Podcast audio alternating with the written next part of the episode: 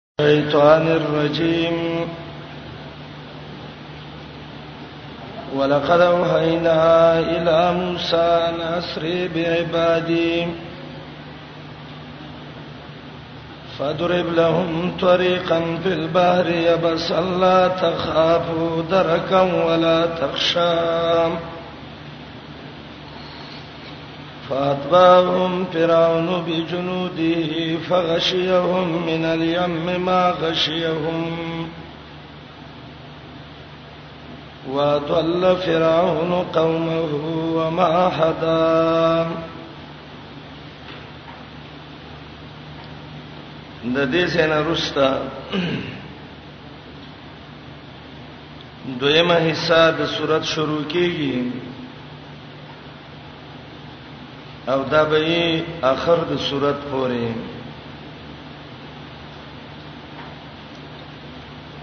د حصہ کې مصیبت او تکلیف د موسی علی السلام د قوم د طرف نه ذکر کیږي بیا تخویب دنیوي به ذکر کیږي واقع د آدم علی السلام به ذکر کی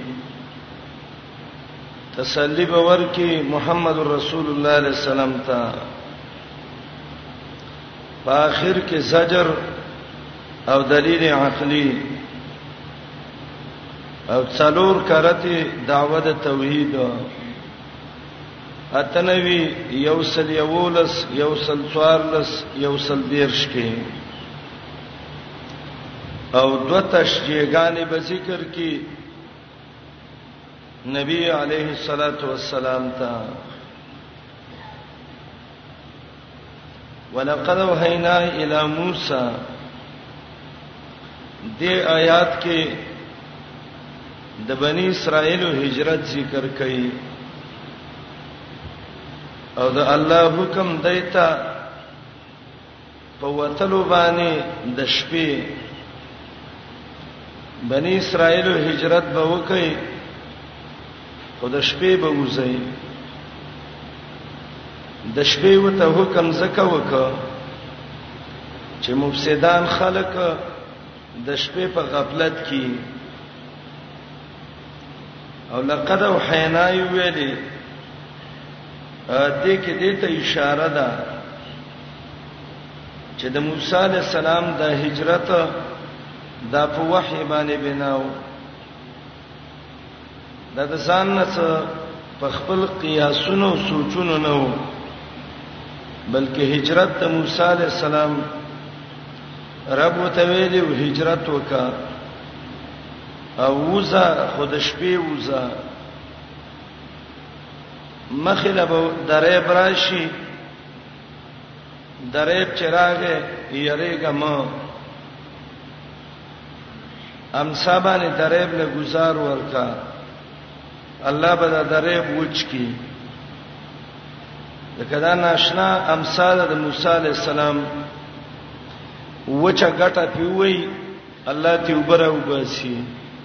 او روان درې پیوي الله یې وچ کی ولقد وحینا یقینا من وه کړي و موسی علی السلام ته انا سره چې د شپې بوسا بیا عبادی زما بندگان فضرب لهم هو ودیلا طریقا یولار ایولار خنو د غړي لارې وي او طریقا جنس ده او مراد ته مختلف لارې دي لار په بحر په درېب کې یبسا چې دا به وچی یبس وچوالی ته وایي ته چې د ډانګي باندې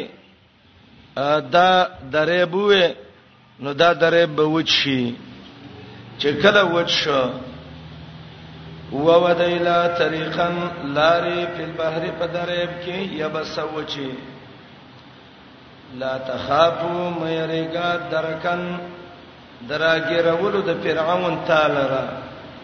درک، احاطه او ګیرول د فرعون تا له، ولا تخشا مې یریګا د وبو د غر کې دونه همدغه سی وشو موسی علی السلام وته مخه ته درې براغه وی وو پورې وتل فاتباهم ورپسې شوو فرعون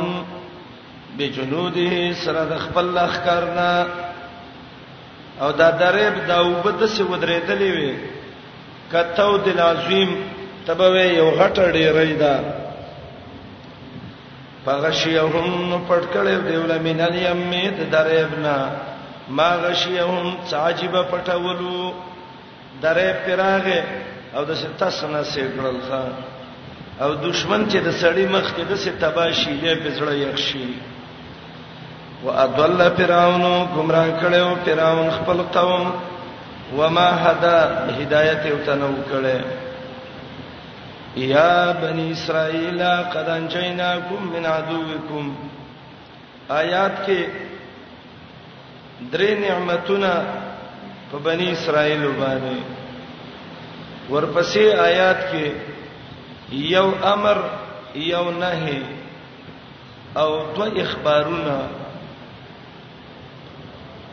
د ولنی آیات کې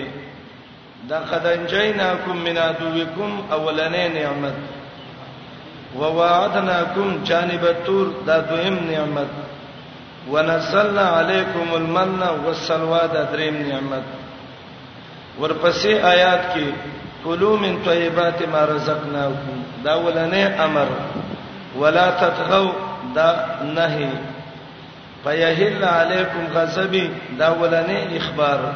ومن یحلل علیه غضبی فقد هوا دا دویم اخبار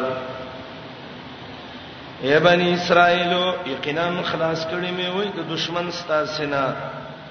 وعده مې د سکړې وا جانب تورې په طرف د تور غر کې دا وعده شوی وا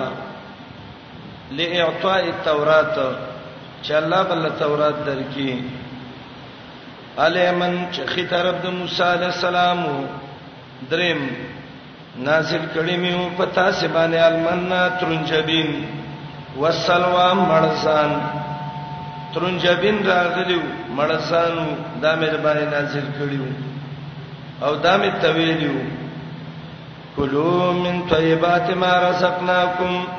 خری د پاک غنا چې مان له خوراک درکړې ولا تغو سرکشی مکوي په پدې خوراک کې توغیان داده چې د الله په نعمتونو باندې ناشکری وکړي یا توغیان داده چې ځان ستې ذخیره جوړې کړي فیحل علیکم پس نازل بشي پتا سي غضبي سما قهر او غصه زما غضب او قهر به باندې نازل شي دا ولنې اخبار دویم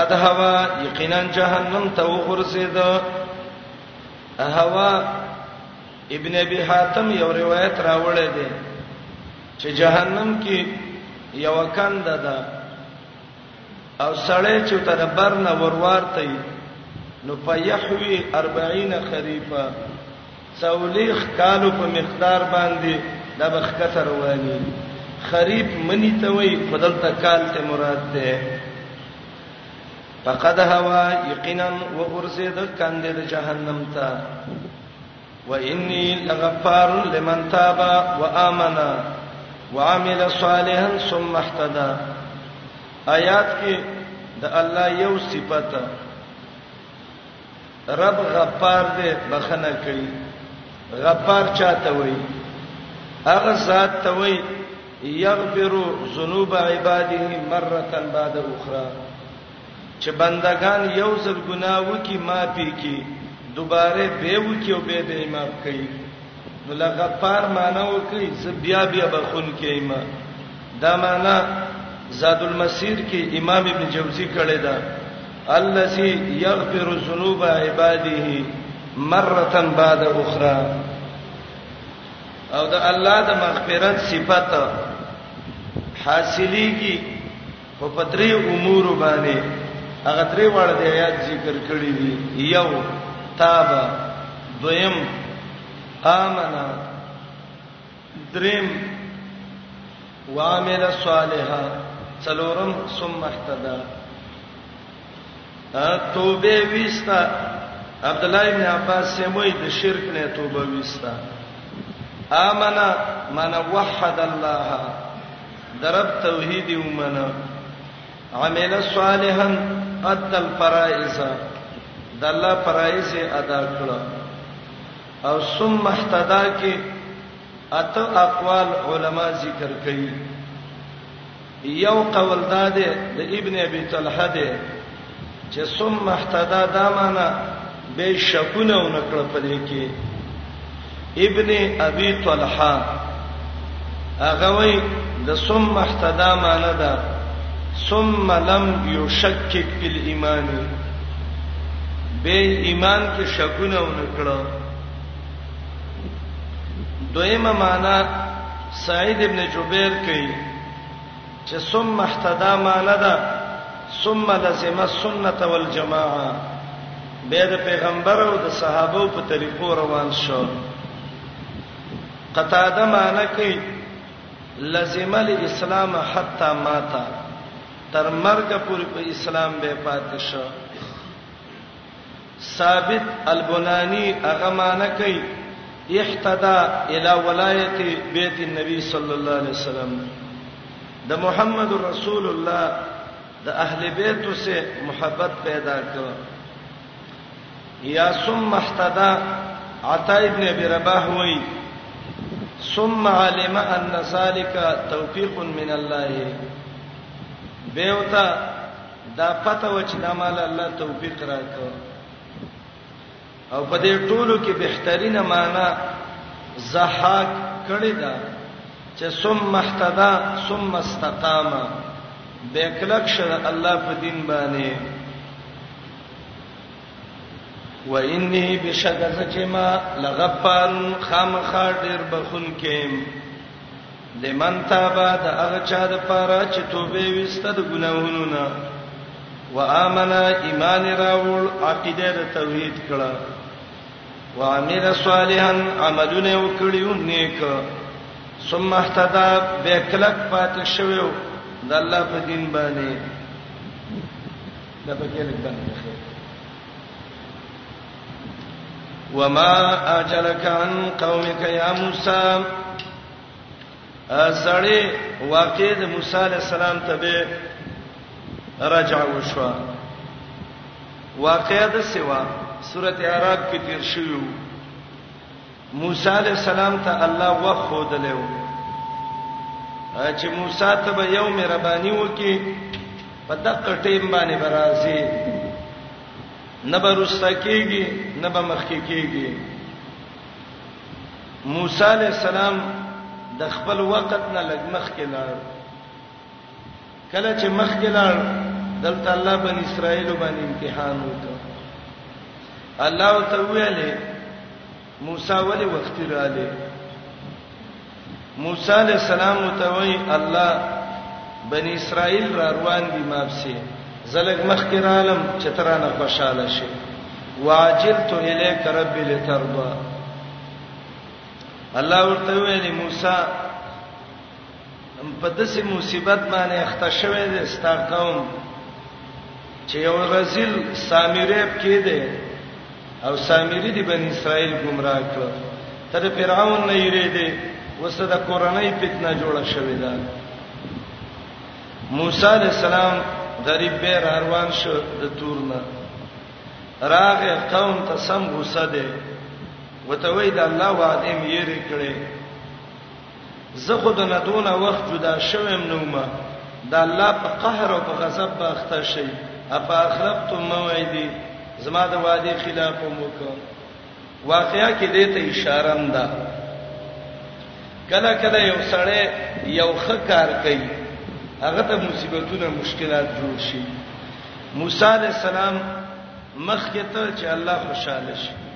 الله ته د څه مشکلات جوړ کړ چې ډېر غټه سرګردانی و بل واقعیا کې دې ته اشاره ده کله کله خپل مرګرو کې یو تن د ځان نه سامری جوړ کی نو چې خپل مرګره سامری شي نو د سامری علاج د موسی علی السلام نه یاد کړي بل خبره واقعیا کې دا پیدام ده کله کله د الله د پاره غصه شه موسی راغله ده تسې غصه ده اورورې د ګری نه نیولې ده د سر نه نیولې ده راکاږي ځان ته ته ولې دعوت نه کوي بنی اسرائیل ته غصه ده وما چلکات شپتلوار را وسته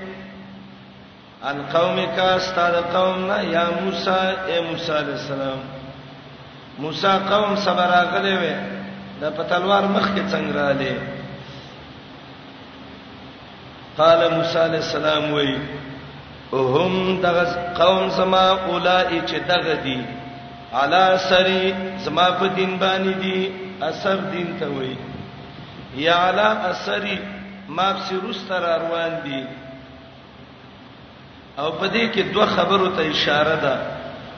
یو دا چې زما قوم زما تابع دي اتباع د نبی ته اثر وای او دویم دا ده د وخت نه مخکې راغلم واجلت الیک مخکې راغلم تلوار مې کړه ستا تر ته یې رب لترضا د دې لپاره چې ته خوشاله شې الله ته ویل موسی فإنا منچو قد فتنا قومک دو معنی کوم جمله کې یو معنی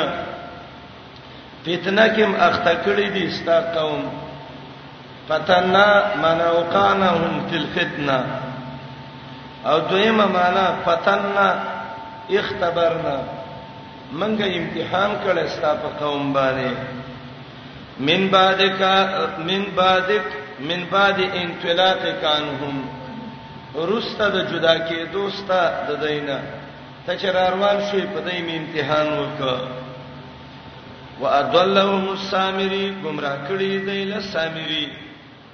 سامري يو دا منسوب ده بسوي سامرا او سامرا دا د یو کلی نوم وو چې دا شی په هغه کې پیدا شوه او د دې سامری خپل نوم موسی ابن نصر د دم موسی نومو د موسی علی السلام موسی نومو د دم موسی خو موسی علی السلام ابن عمران او سامره چې وو د موسی ابن نصر وو هدایت یقینا چې د الله د طرف نه ده او دا سامره بعضې تاریخونه لیکي چې دا قبطي و، د فرعونیانو د جنس نه و. بعضې علما وایي چې دا د کرمان علاقې نه و، بیا مصر ته تللی و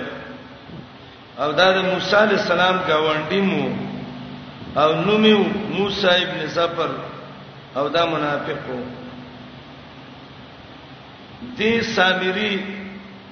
بارکه بعض علما ذکر کوي چې دا یو ارمونه لار کې پروتو ولد زناو زنا نه پیدا شوو جبريل راوغس چې دا ما شوم دې ځای کیږي یو غار کې کې خود دیوالې په سیوکه فراغ به راوړ ورکوو به دا د دین خلاف چې چیرته کوي دا روح نه دی د تاریخونه ګوري یا به ولدي زنای یا به نور څه مرزونه کوي صحیح روح سره د الله د دین خلاف نه کوي ما مخ کې ویلو د تاتار مشر چنګیز دې مور ویلې وای دا د نور نه پیدا دی ولدي زیناو ولید چې د محمد رسول الله خلاف وکاو مور پسې تور راځتلې واغې ته وای بچې ته ولدي زینای سامره رمونه چې د دم پلار نو معلوم او کله چې غټ شو راوته علما وی عجیب نظام دا دی هغه موسی چې فرعون یې تربیت وکړ الله پیغمبر ک او هغه موسی چې سام جبرئیل یې تربیت وکړ هغه د کوپر امام او مشر وګرځیدل ښا وموسی الذی رباه جبرئیل کافرو وموسی الذی رباه فرعون مرسلو دا د رب نظام دی کله په غلط کور کې پیدا شي خو رب ته د څه سړی جوړ کی لکه ابراهیم چې د ازل په کور کې و او کله د خو خلکو بچي او د څه رزیل ته جوړ شي چې د کلی سپین ته امان غواړي من يهد الله فهو المهتد ومن يضلل فلن تجد له وليا مرشدا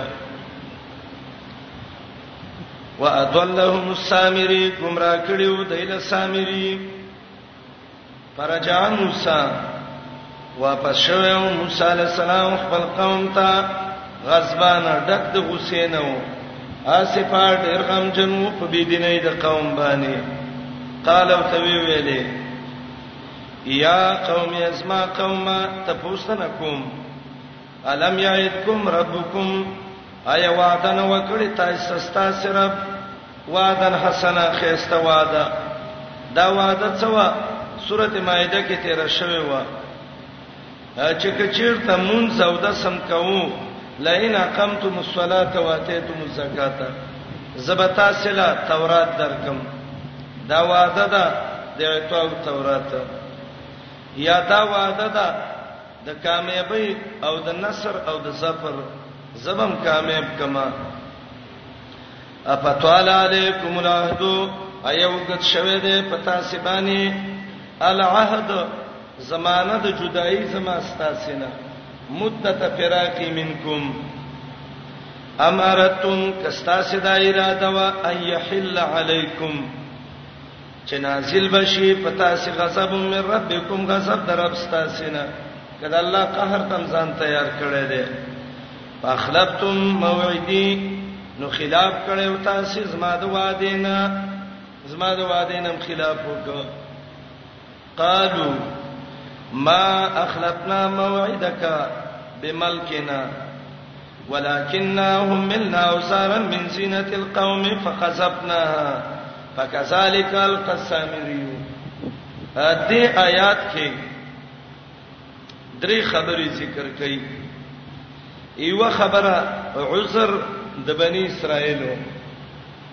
چې بنی اسرائیل موسی علی السلام ته کوم عذر یو دویمه خبره عمل د سامری په واقع کولو د خیانت د بنی اسرائیل سره سامری څنګه خیانت د بنی اسرائیل سره وکړ او دریمه خبره سامری څخه څنګه جوړ کړ د آیات تلګوري د آیات معنی کوم اوله مقصد ویم به د آیات معنی کوم کله چې د فرعونانو نه دا مالونه د غنیمت پاتې شو پدې کې سره زرو سپین زرمو موسی علی السلام لار تور تا سامري ورته وویل، که موسی نشته خو زما نوم هم موسی دی او د موسی ګاونډی یم، مسلې به توضیح کوم. دا د وچې شیخي چې شروع کړي، دا به خلک تباه کوي. رزیل ستا د مسلو څه څه کار دی؟ هارون علیه السلام شته که نه؟ او ته وی ویلې سامری ته ویلې چې دا د غنیمت مالونه دي د فراون نه چې کومه غستی دي دا مال د غنیمت دی او دا کم سره زر چې تاسو سدي طلا او سونا دا د غنیمت دی نو چې دا تاسو سده دا تاسو خیانت وکړ په غنیمت کې چا چې غنیمت کې خیانت وکړ الله یې تبا کوي وای څه چلو کو وای علاج دا دی چې ور بلکې او ټول ته د سره ور ورته وای چې وسوځي غنیمت به سيزي وره بلک او ته ول دی یو ځای ته ور ورځوي خلق سره ورته ورړتل ورړتل ورړتل ټول التفات شو یو چم شو خلک د خیانت په نوم ورځول سامری ورغه بیرته راوارسته وای مال پیدا او زمولای مزه په خپې نه کړ مال پیدا مولا به بالکل پیدا اچراوی غستل خلق ته انځي دا ستاسو خیانتو الله د ګنا نه خلاص کړي راغې دلته مردار ته سخه جوړ کړ د جوسه والو څاواز بهم کوو وته وی ویلې بنی اسرائیلو دا ستاسو او د موسی شریک الہ دی لار کې تیر ویر شو موسی په دې بل لار لاړ او الہ ته د سراغ دی هغه سر تخره کې ګرځي او هغه دل تر راغلی دی ساده موسی او خپل الہ محمد پیجنی مشرک یې قما خلد سي نور د خیانت نه خلاصول او خپل په دسی ګناه کې ځانم واقع کو بلې واقع کو عبد الله ابن عمر له سړی راغی وته ویل ابن عمر بیت الله سوما او د ماشي وزر را نمات شو او ماشي مړ شو د دې په څور کوم عبد الله ابن عمر خدای سړیو د نر سړی بچیو د عمر زوی چې بنری وته ویل کته کم ځای وای زه د کوفې نه راغلم د بغداد نه د کربلا د علاقې نه وای د محمد رسول الله د سړ ټوټې مل ته وشله ول شهیدانم کوله دا غیب ته پوسټ کړي دي چې ته اوس د ماشي د وزر ته پوسټ کې رزیلا ولا غټه مسله ځان له حل کا دا سامره دې هغه ته وای د خیانت نم بچ کوم او د شرک بانی د ځان نه جوړ کخه جسدن له خوار یو بدن والا او دې بچا وازونه کول عبد الله ابن عباس وی والله ما کان له صوت قط قسم په الله د سخی خپل आवाज نه و و انما کان يدخل الريح في دبره فيخرج من فيه دا خسې د دواړه طرفه سورې کړو هوا چې به کم طرفه او شابه ولاغه طرف ته واړه ولا چې په مخه به دا وا قوته یوم به به وکخه سخې جوړ کړو فوازي تیر شي سته وس خلکو نور ترقی موټه دارندونو نه وازونه ویستل او معالم التنزيل کې پرای بغوي وای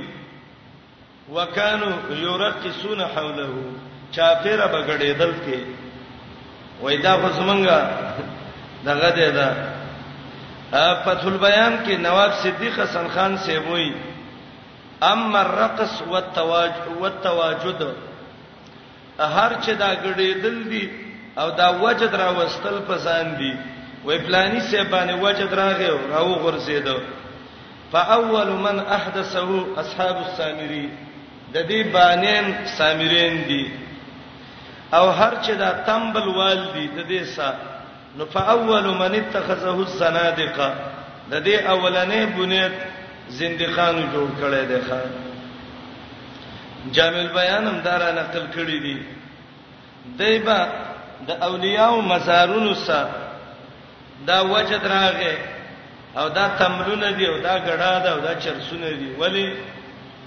هلکه دا د ملنګۍ نشه ده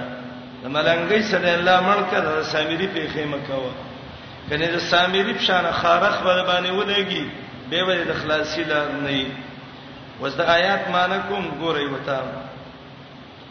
قالو بنی اسرائیل ویلې ما اخلفنا منګه خلاف نه کړه موعده کا استاد وعده سره به ملکنا په خپل اختیار باندې خپل اختیار باندې دا کار نه دی کړی ولکننا حملنا لیکن منګه بار کړې شو په من او سارن هغه بوجونه د ګناهونو من زینت القوم د وجد خیانت دغه کالو د قومنا هم ملنا بوج اچول شوی په من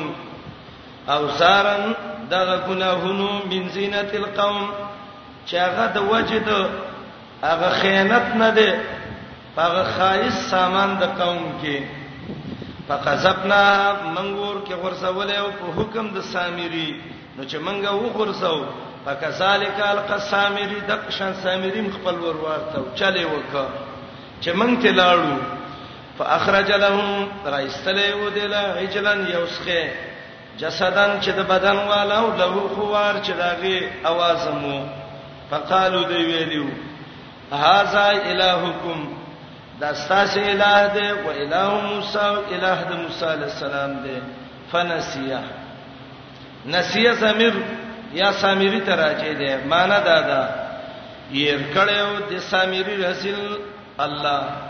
ګور دون ذلیل شیو چې الله ییر ک او سخیته الله ویو فنسیا فنسیا سامری الہو ییر کړهو سامری خپل الہ او دویمه معنا ضمیر راجه ده موسی علی السلام ته او دې کې به درې معنی دي یو معنی اکرامه کوي فنسيا فنسيا موسی ان يخبركم ان هذا اله د موسی علی السلام نه دا خبره یې را شوې وا چې تاسو ته وې چې څخه تاسو الہ دی ور روان دی ښا دا معنی اکرامه کړی دا فنسیه موسی ان یخبرکم ان هاذا الهه دویمه معنی عبد الله ابن عباس کوي فنسي موسی الطريق الى ربه موسی علیه السلام نه هغه الله طرف ته لار غلطه شوې ده رب الهی په دې طرف راغې موسی په دې بل لار ورغې درې معنا قطاده کوي فنسي موسی الهه د موسی نه خپل الهي شو وخالفه په طريق اخر او په بله لار ته لاړ، لار کې تېر و بېر شوي دي، الله پرې رد کوي، افلا يرون، ایا دوی نه ګوري، الله يرجع الیهم چې نشي واپس کولای سامري دوی ته قولا وینا، ولا یملکو وسن لري دوی لا ضررا د ضرر ولا نفعا د فائدې. وای هارون علی السلام مو ته نو ویلي جواب ولقد قال لهم یقینا خبر او تکړه وا هارون علی السلام من قبل مخکې د دینه وته ویلو یا قوم اسمع قوما انما فتنتم به یقینا فتنه کې اخته شوی وای په سبب د دې باندې وان ربکم الرحمن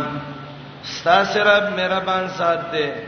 فتبعوني ما پس روان شئ واطيعوا امري تابعداري وکي زما د خبرې قالو دی ویلې لن نبره عليه همیشه به په دې باندې عاکفین عبادت کوون کی منجوري کوون کی عقوب څه ته وای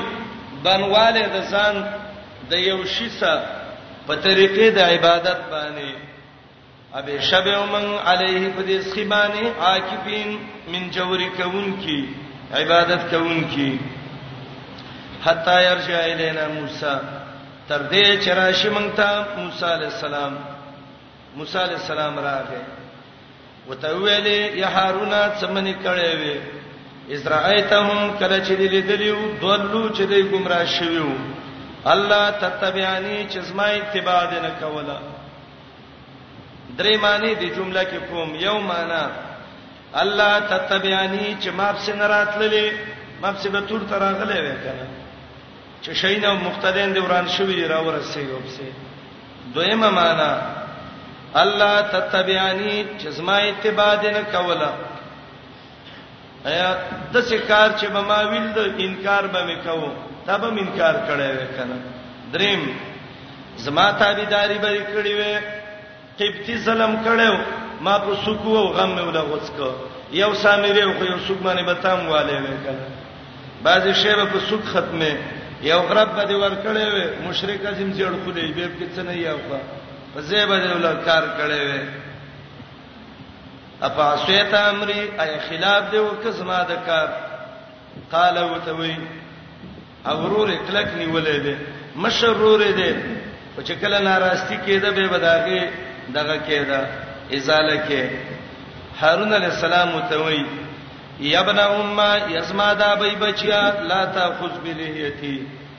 منیسا زما ګیرا ولا براسید نصر زما ویخته د سر پر خدل د ټولو انبیو سنت دي نبی علیہ السلام درې قسمه ویخته پرې خيو او وفرا الما جمعه وګو پورې پرې خيو او چې څه مشکل ده نه جوړيږي بعضی وخت د ویختونه سړی ته غم جوړ شي خیر دې ضرورتي به ویخته کټ کا انی خشیتو ځکه دې وخت کې که سنت مطابق ویخته دی پریخي نو که یو کیلومتر زی نو شل زی به دی پولیس نیسی کله بل پوند ګوري کله بل سر ګوري دا وله تا ویخته پریخي دا د سینه دی چې یا څه راکټ او څه ګاویک نه ختېږي خو ویخت دي لیکن دا علامه د غرونو د مجاهدینو جوړه شوې ده نو دی وجه نه خلک دې تنګي تنګي دي خیر دې سر کم کا یا ابن امه یسما دا بیزیا منیسا زما ګیر او زما سر او دا د شفقت کلمه ده د مور بچي ته زما د مور زوی دا ته څه کې انی خشیتو زیریدم ان تقول سبب دی ویلې فرقت بین بنی اسرائیل اختلاف دراوسته د بنی اسرائیل ومنځ کې ولم ترقب قولی انتظار دې نه کړې زما د وینا موسی سبا به تا راته ویلې چې تا ولې سامری وو یو امتی دی را لمړ کو موسی علی السلام راغی سامری ته وی قال او ته وی فما خطبک صدستا شان اے سامریا شان دې څه دې ولې دې لازمه متابعت پرې خدا قال بصرت بما لم يبصروا بي فقبضتو قبضه من اثر الرسول فنبذتها وكذلك سولت لي نفسي دلته ایو معنی دا علما کوي تر تزانی او د ټولو راغستې ده یا تلګورې ښا آیات کې یو صحیح تفسیر دی یو آیات کې غلط تفسیر دی صحیح تفسیر د څه دی چې د آیات صحیح تفسیر کوم ګورئ بصورتو د دې معنی دا علم او سنت پیغمبر چې موسی علی السلام دی او قبضت قبضتن مراد دا اتباع د موسی فنبستها به مې وګرځوله وکذالک سولت لي نفسي دا معنا امام رازی کړی دا امام رازی وای دا قول تحقیق ته ډیر نږدې دی خطیب شربینیم سراج المنیر کې ذکر کړی دی مقصد آیات به پیدا شي لکه توجه وکړئ سامری او ته وای موسی خپه دې باندې عالمم چې دا ستاسو دین حق دی خپه تاک سي در روانم ستا متبعم خو نفس تباه او برباد کړم خواهشات د نفس ستا تابعداري مې وغورځوله او سامری دغه خسه مې راوغستوي نو اسمانه وکي بصورتو ظالم شوم ما بما پاغه سبانه لم يبصروا به چې دا بن اسرائيل په نو عالمان شوي فقبستو تابعداري مې کړې وا قبضتن تابعداري من اثر الرسول د اتباع د پیغمبر نه چې موسی عليه السلام فنبستوها به مې د تابعداري د موسی غرزولې وا وکذالک سولت لي نفسي د قشان ما ته خسته کړې زمانہ پستا عمل دا صحیح تفسیر دی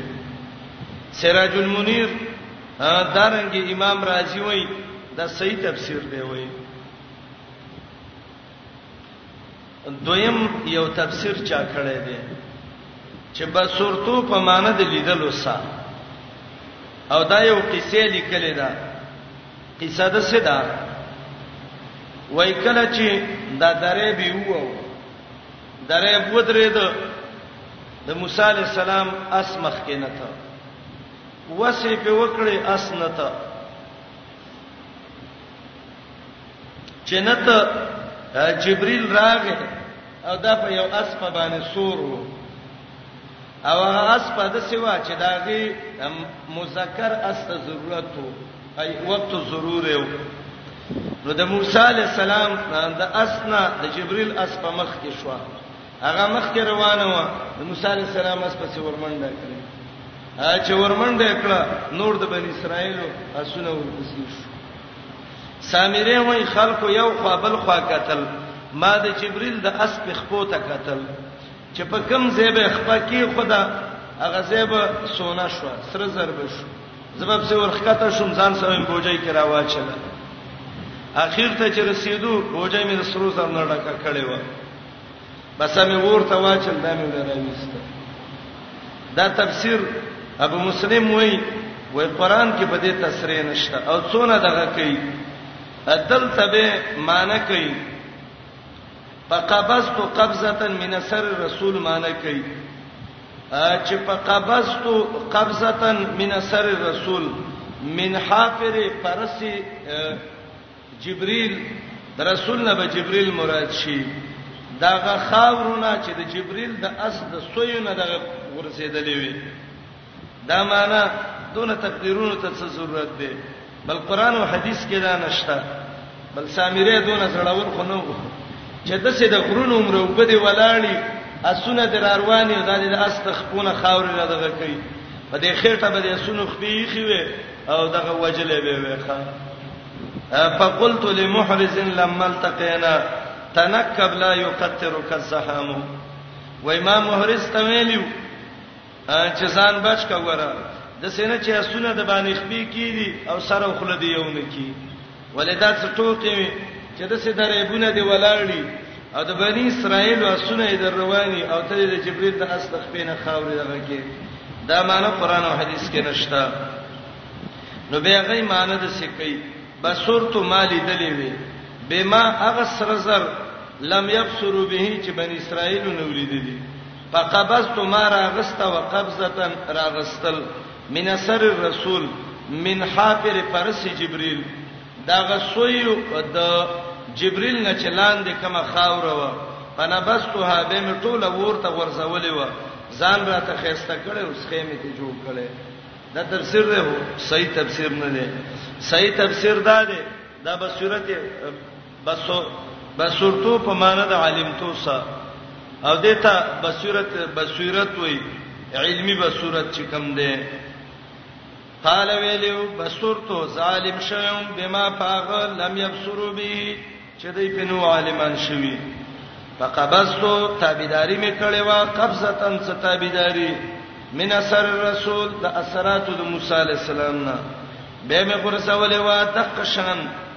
دولي کړه او ما ته زمانہ پستا کار قال فذهب موسی علیہ السلام ته وسوي شابه د خلکو نه جدا شي دا فذهب علما وای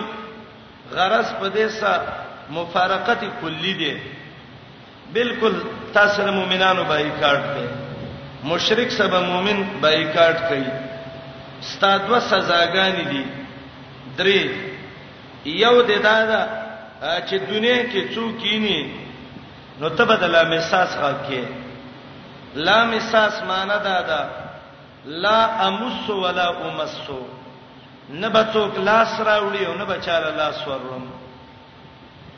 الله په د باندې خارخ ولګو پمې په ولګو او کچا به کوته وروړي د د خارخ وړي ریدو او کچیرته د بچاله لاس ورړو نو هم خارخ وړي ریدو او د لری نه چې څوک به ویل د نو لاسونه به اوچت کړي او غږ به کو لا می ساس لا می ساس لا امس ولا امس چې نه کوته راوړو نو کوته دروړم دا مشرکان الله په بیا د څه خارختونه لګی ښا او لا مساس معنا لا تمسونی ګره چې خاله مې را نشي او دوی مې ورته ویلې د الٰه ته ګوره درېب کې اولې په ور وسېزه به زره زره ختمې کو او ته ویل قیامت کې به الله و شرمای قال الله موسی علیہ السلام ته ویل فذهب زه جدا شد بنی اسرائیلونه فإن لك یقینا تعالی فی الحیات بده جون کې دا ده ان تقول چې تبوي لا مساس مال به څوک لاس نه راوړي زبچاله لاس نه وړم وإن لك استاد عذاب د پاره موعدن یو وخت مقرر دی پس د مرګ نه لن تخلفه چره مخالفت نشی کېده داغه وانظر ګوره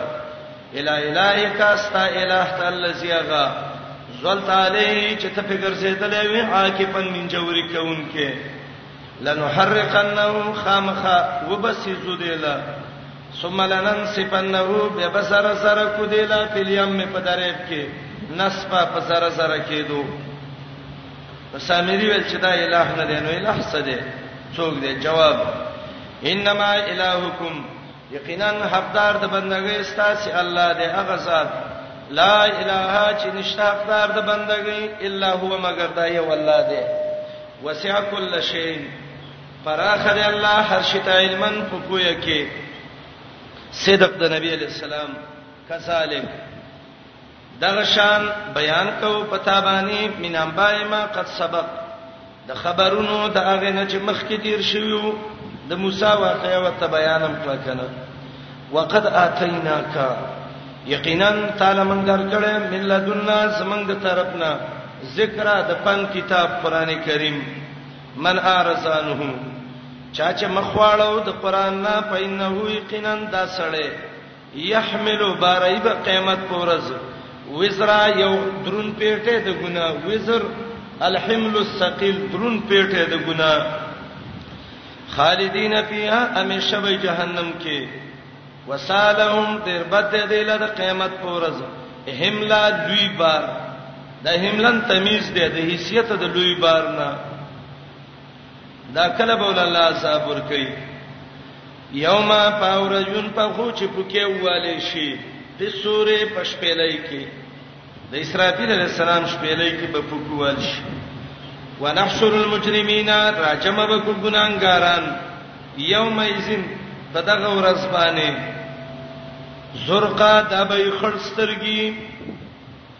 زرق څه ته وای ابو صالح معنی کوي دا سترګې به شنې شوي د ډېرې تندې د وجنه نو معنی وکي ایبا پداور زرقا د شنو سترګو والا د وجه د ډېر دغه تندې نه دویمه معنا زرقا ایبړاند دریمه معنا ابن قتیبه کوي زرقا د سترګونه به د تورواله ختم شوي سپین سترګې چوته وي یتخافتون بینهم پټي پټي خبرې وکړي په مند دې کې پښتو کې مونږ ویو یاره پلانې څه پوس پوس کې یتخافتون پوس پوس وکړي پټي پټي خبرې وکړي په مند دې کې او وای با الا بستم عبد الله ابن عباس وای معنا دا ده نیوی ایثار شوی قبر کې الا عشرا مگر لسرزه قتاده وای نیوی ایثار شوی دنیا کې الا عشرا یو لسرزه بم تیری کړی نو الله وای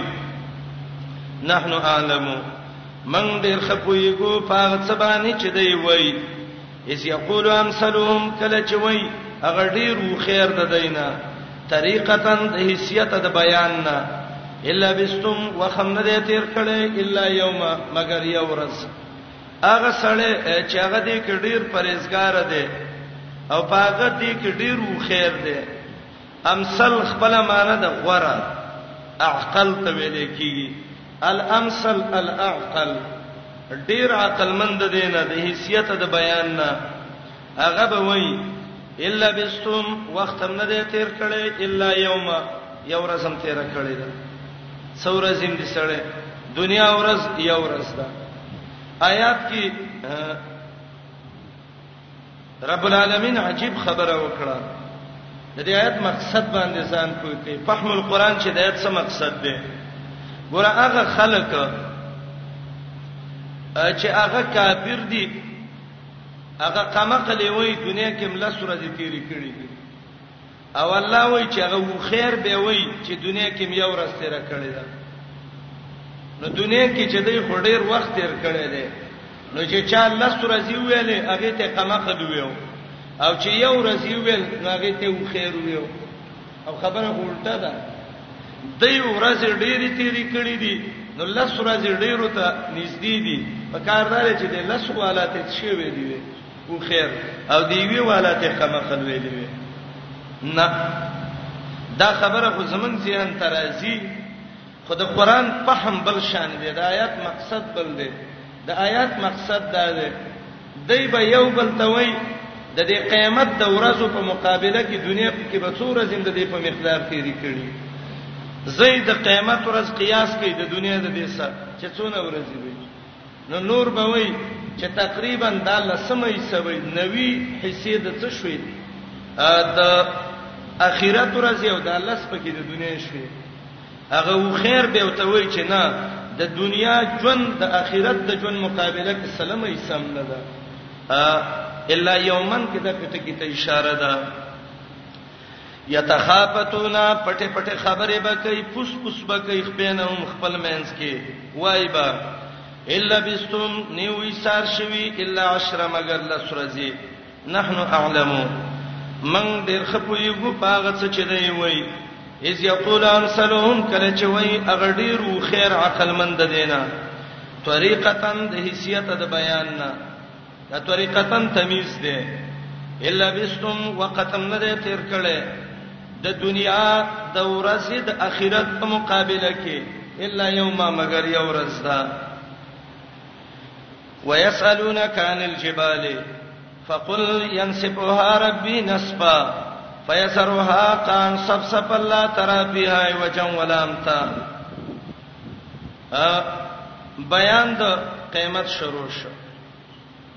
د دې آیاتونو د مخ کې څه مناسبت ده چې مخ کې د سامری واقعیا ذکر شو او دلته قیامت بیانوي دوه طریقې سم مفسرین د دې ربط وایي یو طریقه دا ده چې مخکې ویلې چې دا خلک به خپل مینس کې پټې پټې خبرې کوي شپېلې کې به پوکې وشي قیامت به قائم شي نو چې قیامت قائم شي نو دا خو لوی لوی غرونه دي نو دا خلک د الله د عذاب نه دی غرونو کې پټ شي کنه نو دې آیات کې ازاله کړي چې دغه غرونه به الله زری زری کې الله به ختم کړي او دویم د مخ کې سلګي و ان لک موعدا لن تخلفه سامره استای وعده د عذاب ټیم دی چې هغه کې خلاف نشي کېدلی دا عذاب کله دی قیامت کې قیامت کله دی بس وته ګوره چې دا حالت شروع شي دا فقل ينسفها کې دلته فار راوړه علما وایي چې قران کې نور ځکه یسالونه کله رسته فانه دراغلي او دې آیات کې فاره او د دې اصل وجدا ده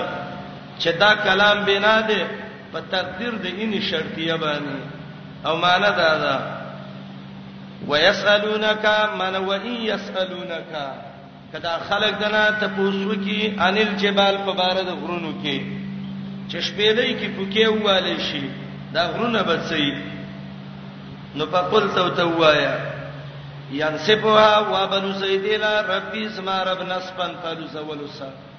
زره زره به کی وا به لوزی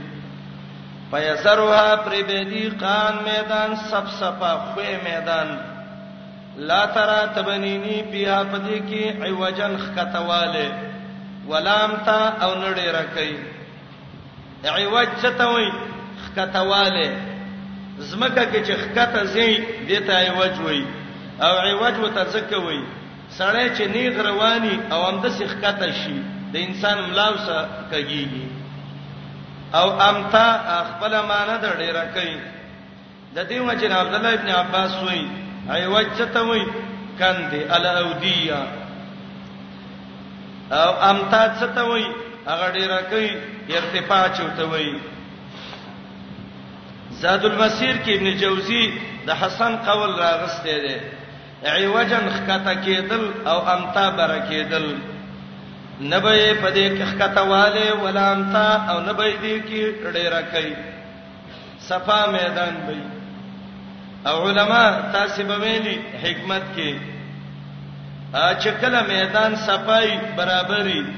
او قرب کې کې دي نو د دې تماس نقطه باندې راځي یعنی دا زمکه به دسه اوار ډیره کوي که یو بال یا څه شیب کې کیدی نو په معمولی ځای به د زمکه سلګي ټول خطوط به او ته برابرې او دغه وخت کې اسرافیل علی السلام به شپې لیله فکر کی یوم یدن فدغه ورځ یتبعون دایا روان به دا خلق فاغ ملک پس چې الله ته خلق را بلی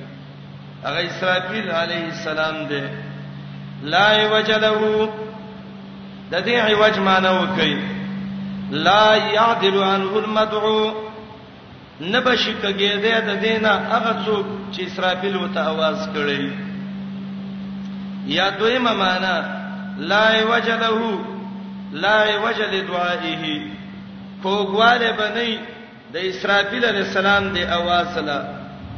دا اسرافیل چې اواز کوي د اواز کې به کوګواله نه وي په دغه ورځ روان به خلک اتایا پرابلون کې اسرافیل پسې غرونه به والوزي صفه میدان بشي لا وجله نبی کوګواله دیلا وخشیات الاصوات عاجز شوی به اوازونه للرحمن مهربان ذات لا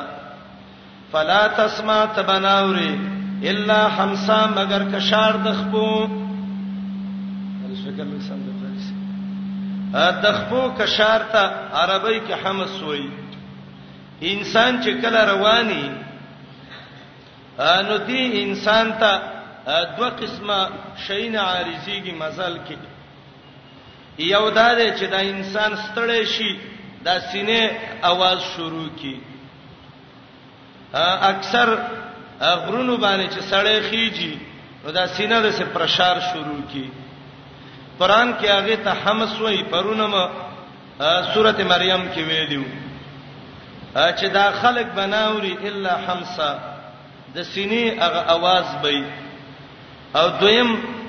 دا خپه چې راکاږي او دا کشار کوي د خپې هغه ته همس وي دې ځکه او کم چې هغه د سینې هغه ده بعض علما وي هغه تم همس وي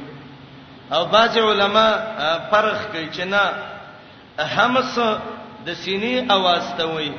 او د خپې اواز ته رکز وایي ځکه دغه ته الله ویلو ارکز برجلک ایوب علی السلام ته هاذا مغتسل بارد و شراب نو دلته مانو کوي به عاجز به اوازونه مهربان ذات لا نباوري الا همسا مگر د سینې کشار یا د خپو کشار خو که د سینې شي نو به به هغه پرشیدل ته معنی شي او که چیرته د خپې شي نو به به کشار معنی شي معنی دا ده دا خلک چې رواني بس صرف د خپې او د سینې کې څه ساغستلی ایبه یوم یزن پدغه ورځ لا تنفع شفاعه پیدا بنور کوي سفارش الا مگر هغه چاله به ور کوي اذن له الرحمن چې الله ته اجازه کړي اولنې اجازه چې کیږي هغه به محمد رسول الله ته کیږي صلی الله علیه وسلم انا اول من یشفع حدیث صحیح کې راغلي دي ورزی له او خوشاله کړي دل قولا وینا رزی له خوشاله کړي دل قولا وینا د خوشحالۍ وینا څه ده؟ عبدالله ابن عباس وایي، بأن مات علی التوحید، چې په لا اله الا الله مړي. مقصد دا دی، شفاعت به هغه څوک کوي چې قیامت قایم شي. اولنې شفاعت محمد رسول الله کوي. شافع به د مشفوع په حالت باندې پوهیږي.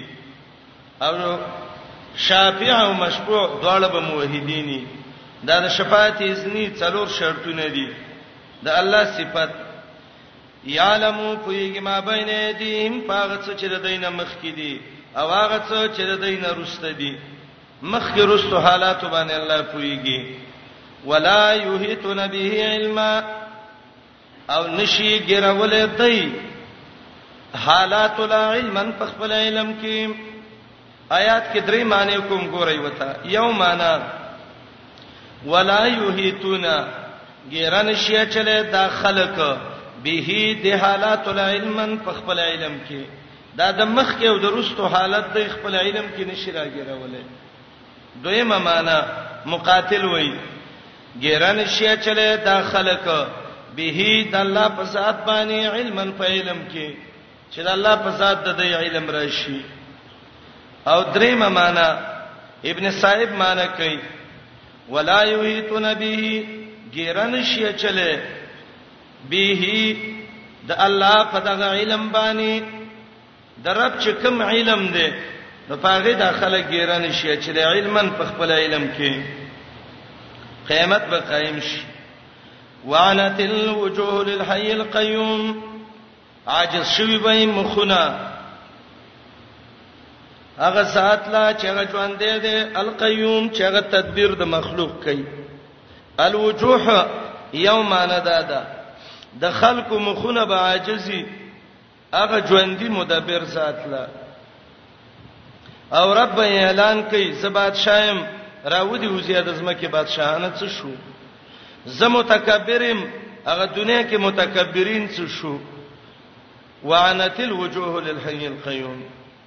او دویمه معنی وکي د وجوه نه اصحاب الوجوه مراد دي وجاهت مخاورز خلق عاجز شوی به مخاورز خلق اغه الله لا چې ژوند دې تدبیر د ټولو کارونو کوي وقد خابا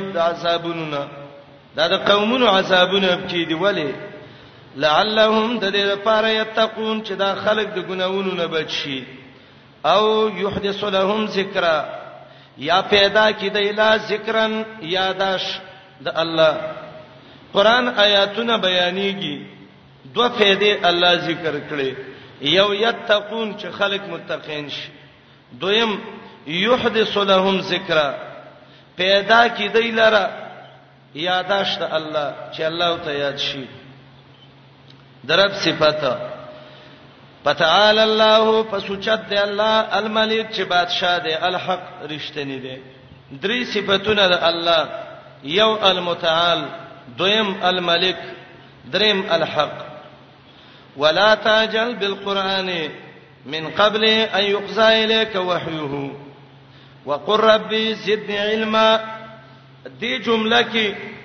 دوه ادب نبی علیہ السلام ته او دا ادبونه طالب د قران تم دي یو ادب جبريل براته نبی علیہ السلام ته به سبق وایو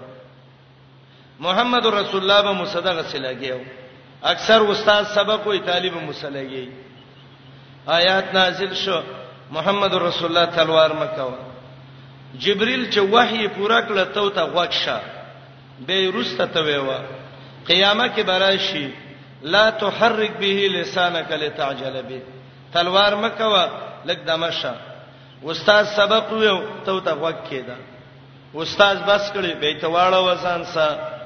دا د سلف عادتو مشهور عالم فیروز آبادی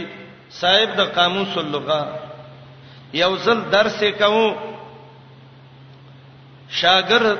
ته تپوس وکړه استاد طالبي کوم ارمان دی نو فیروز آبادی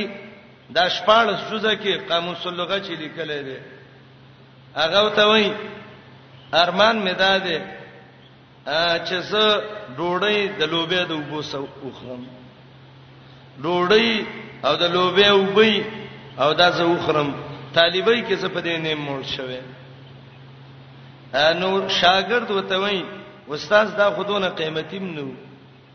او ته مالدار مې مونږ ته معلومه څه غریب خو نه وي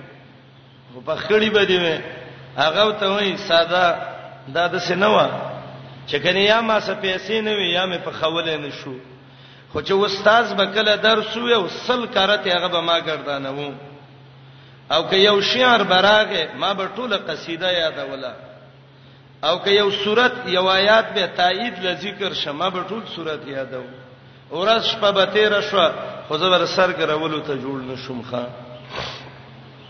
باید چې طالب دسی چې وخت ضایع نه کی د سینا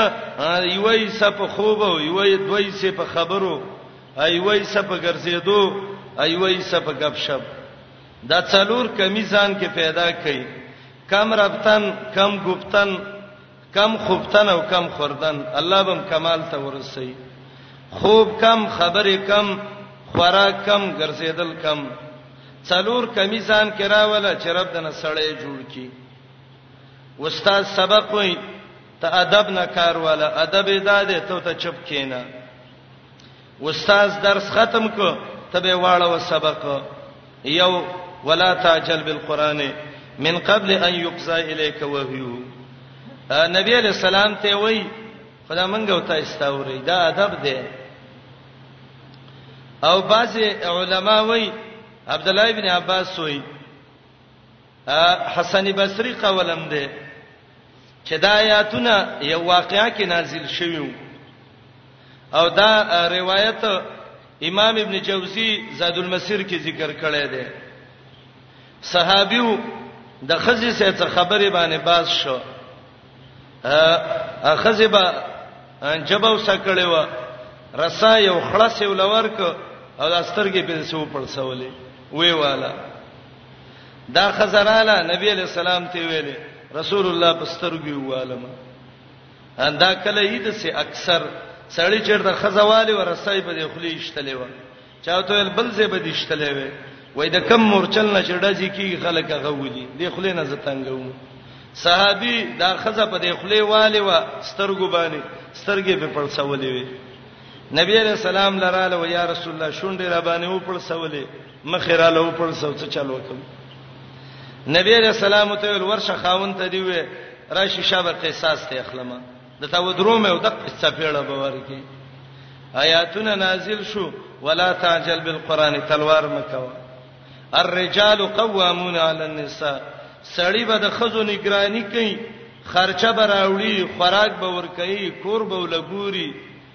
د زندګۍ خیال به کوي او چې ورانیږي یو څپېړه نیمه به مور کوي ولا د سړی نه د خزې په باره کې قصاص وانخلې ولا تعجل بالقران من قبل ان يقضى اليك وحيه دا یو ادب ادب طالب د قران ته دا ولنې دی دویم ادب وقر ربي سدني علما د الله نه دعا کوه الله علم می زیات لن یشبع المؤمن من خیر یسمعه مؤمن مسلمان به د خیر نه نه مړیږي علم نه به مړیږي نه امام بخاری روایت ذکر کړي باب ذکر کړي دی لا یسیر الرجل محدثا سړی اله محدث ګرځي چې د درې طبقه خلکو نه علم یاد کی ستانه درجه کې اوچت ده ته وته کې نه سبق ته یاد کا ستانه کشر ده درجه کې نکم ده یو ښه خبر او صدا ته ته واخله ستاسو مساوی ده ته علم وکا د سند رسالور کتاب دی ویل او سند درک او ته چې ماته مولوی سی ویل دي او د سړی زوی باندې مکر چا درس ته کېناست نه نه سند خو درک د دې د پاره چې الکه دا ستاره راهنمایي ده آلات دی یاد کړ صرف علم نه دی نحو علم نه دی دا آلات د علم دي اسباب دی یاد کړ زوسان له کتاب او سنت ګوره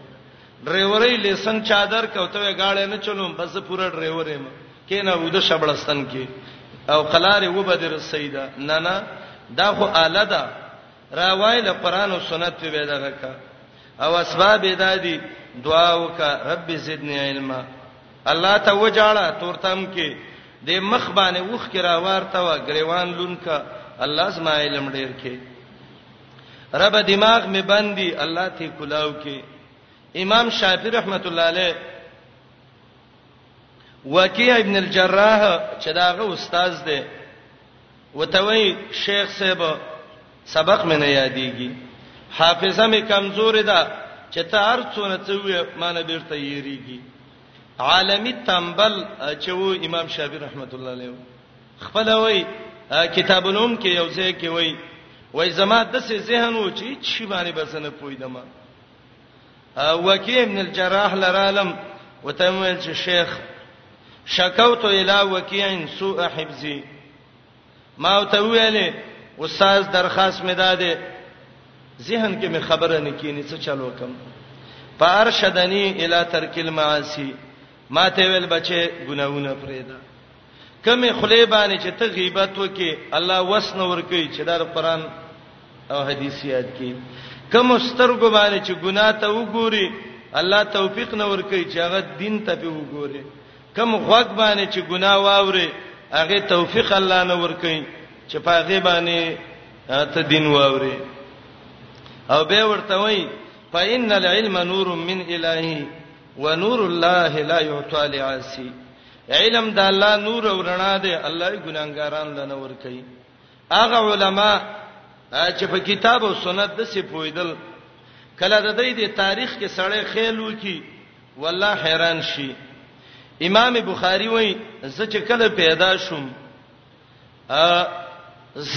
تر قدم غستونه بلکې د دین هم دغه دا ډیر وخت پوري ز په دواړو سترګو باندې وړوندوم زما نظر کار نه کو زما مور یو شپه قصه کوي راته چې د ما خام نه الله تکې نه استم په جړاو په دغه باندې چې الله زما دا بچي بنا کی الله کونډه خزم دا یو زوی مې دی الله ته بنا کې سحر چې را پاتېدم امام بخاری وایي الله زما نظر برابر کړو ا دې کې دې ته اشاره ده ذهن دې کمزور دی لاړ شمور ته دی وې ابي دواره ته وکړه پلا ته دی وې دواره ته وکړه په اخلاص یې وکړه او وې و چې رب العالمین د امام بخاری د مور په دعا باندې نظر دی ول واپس کړو الله زما ذهن کلاو کې رب العالمین اغه امام بخاری چې کله بغداد ته راغی ورکوټه لکو د بغداد علماو صلاح وکړه چې کدا سړی راغی نو بغداد کې موږ نشو چلیدلې راځي سړی باندې با علم ګډ وډ کو لاس په باب څه وټقه او زیبت به زینا اب دې کې لس علماو دا ویلې چې زمنګ به امام بخاری باندې یو چل وکړو 50 حدیث را واغستل د یو حدیث سند یو سک د بلې بل سا د بلې بل سا او حدیث یې څګړ ورډ کړ یو یو په پاتید حدیث به ویو امام بخاری به ویل حکم یې څنګه دی امام بخاری ته به ویل هغه به الله درې سنه پیغام ا چکله 50 سه پورا کړ خلکو ته ویل ته څنګه سړی چې په پنځوستو کې یو حدیث باندې هم ته نه پويګم امام بخاری وایي کې نه یوس کې نه ول فاسد الله حمد بیان کړ او شروع وکړه اولنی چې کم روایت ویو د پلانی حدیث سند یې د سوال غدای سند نه دی دا لفظ دی دای سند دی دا دی دا دی دا دی 50 واړه مزي ته برابر کړو علما وایي مونږ تعجب وکړو چې ناشنا حافظه الله امام بخاری لور کړی دا دا علماء سړی حیران شي د تاریخونو ته مشهور عالم دی د امام مسلم استاد دی یزید الرشک شبیر احمد عثماني فتح الملهم کې لیکلي دي چې عربی کې رشک غټي ګری ته وای او د ترجمه کې وای وای د د دونه غټه ګیره و چې دی وای یو ورځ مې لړم ویند چې د سراغه به څه ګرځیدم خو ما پیدا نه کړ درې مورز ګیره کمنزوم لړم ولې د کته مړ پروتوخه او د دوه خیر توپ دونه دونه قابلیت قران یاد کړو درې ورځو کې لس لس سپاره هر ورځ ذالک فضل الله یوتیه من یشاء امام ابن کثیر البانی سلحسیس کې لیکلی دی چې د مامون دلبار ته یو ماشوم به راوسته او د قران او د حدیث د سي حافظو څلور نیم کال عمر یو او عجیبه دا و چې ډوړی به نشو غوخته اذا جاء بکا چې وګه بش په جړا بش او حدیث ماشاء الله د الله نه سوال کوي الله موږ د دین اسلام داعین وګرځي الله دنیا پرس پیرانه م جوړه الله دلبارین مولین دانه م جوړه الله سید کتاب او سنت عالمانم کې وقر رب زدنی علما او دعا ډیره فائدہ ور کوي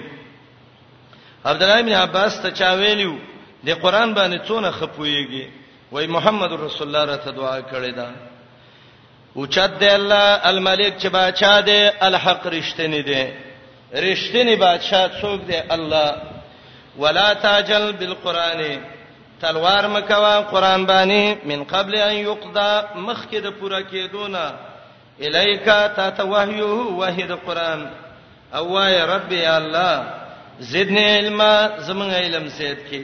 کله موږ دا خبره وکړو اکثر دا مقلدین به خان دي وای وو د دې خلکو نه وی علم ډیری یقیني خبره ده د الله نه غواړو چې رب زیدنی علم او که تاسو خپه وي خیر د تاسو د څه دعا کوي رب زیدنی جهلا الله به تا جاهل کی ځکه مقلد یې جاهل رب زیدنی علم الله زید کې زما علم ولقد عهدنا الى ادم من قبل فنسي ولم نجد له عزما واقع د بابا ادم راخلی د دې واقع د مخ کې څه مناسبت ده ربته د نور په شان ظاهر ده لا تعجل بالقران قران باندې تلوار مکوا کما عجل ابوک لکه پلار چې دی تلوار کړو ادم علی السلام په ونه خړلو باندې دویم قران باندې تلوار مکوا قران یې راوم کنيسيان ادم لکه ادم علی السلام نه چې خبره یې راشوي و او د ادم علی السلام واقعي قران کې بار بار تیر شوی دا و ادم کړي وا او رولې وا ادم علی السلام ته د دینه مخ کې فنسیا خبره تیر شوی و ونه خړل شوی و خو په یې را خړل شوی و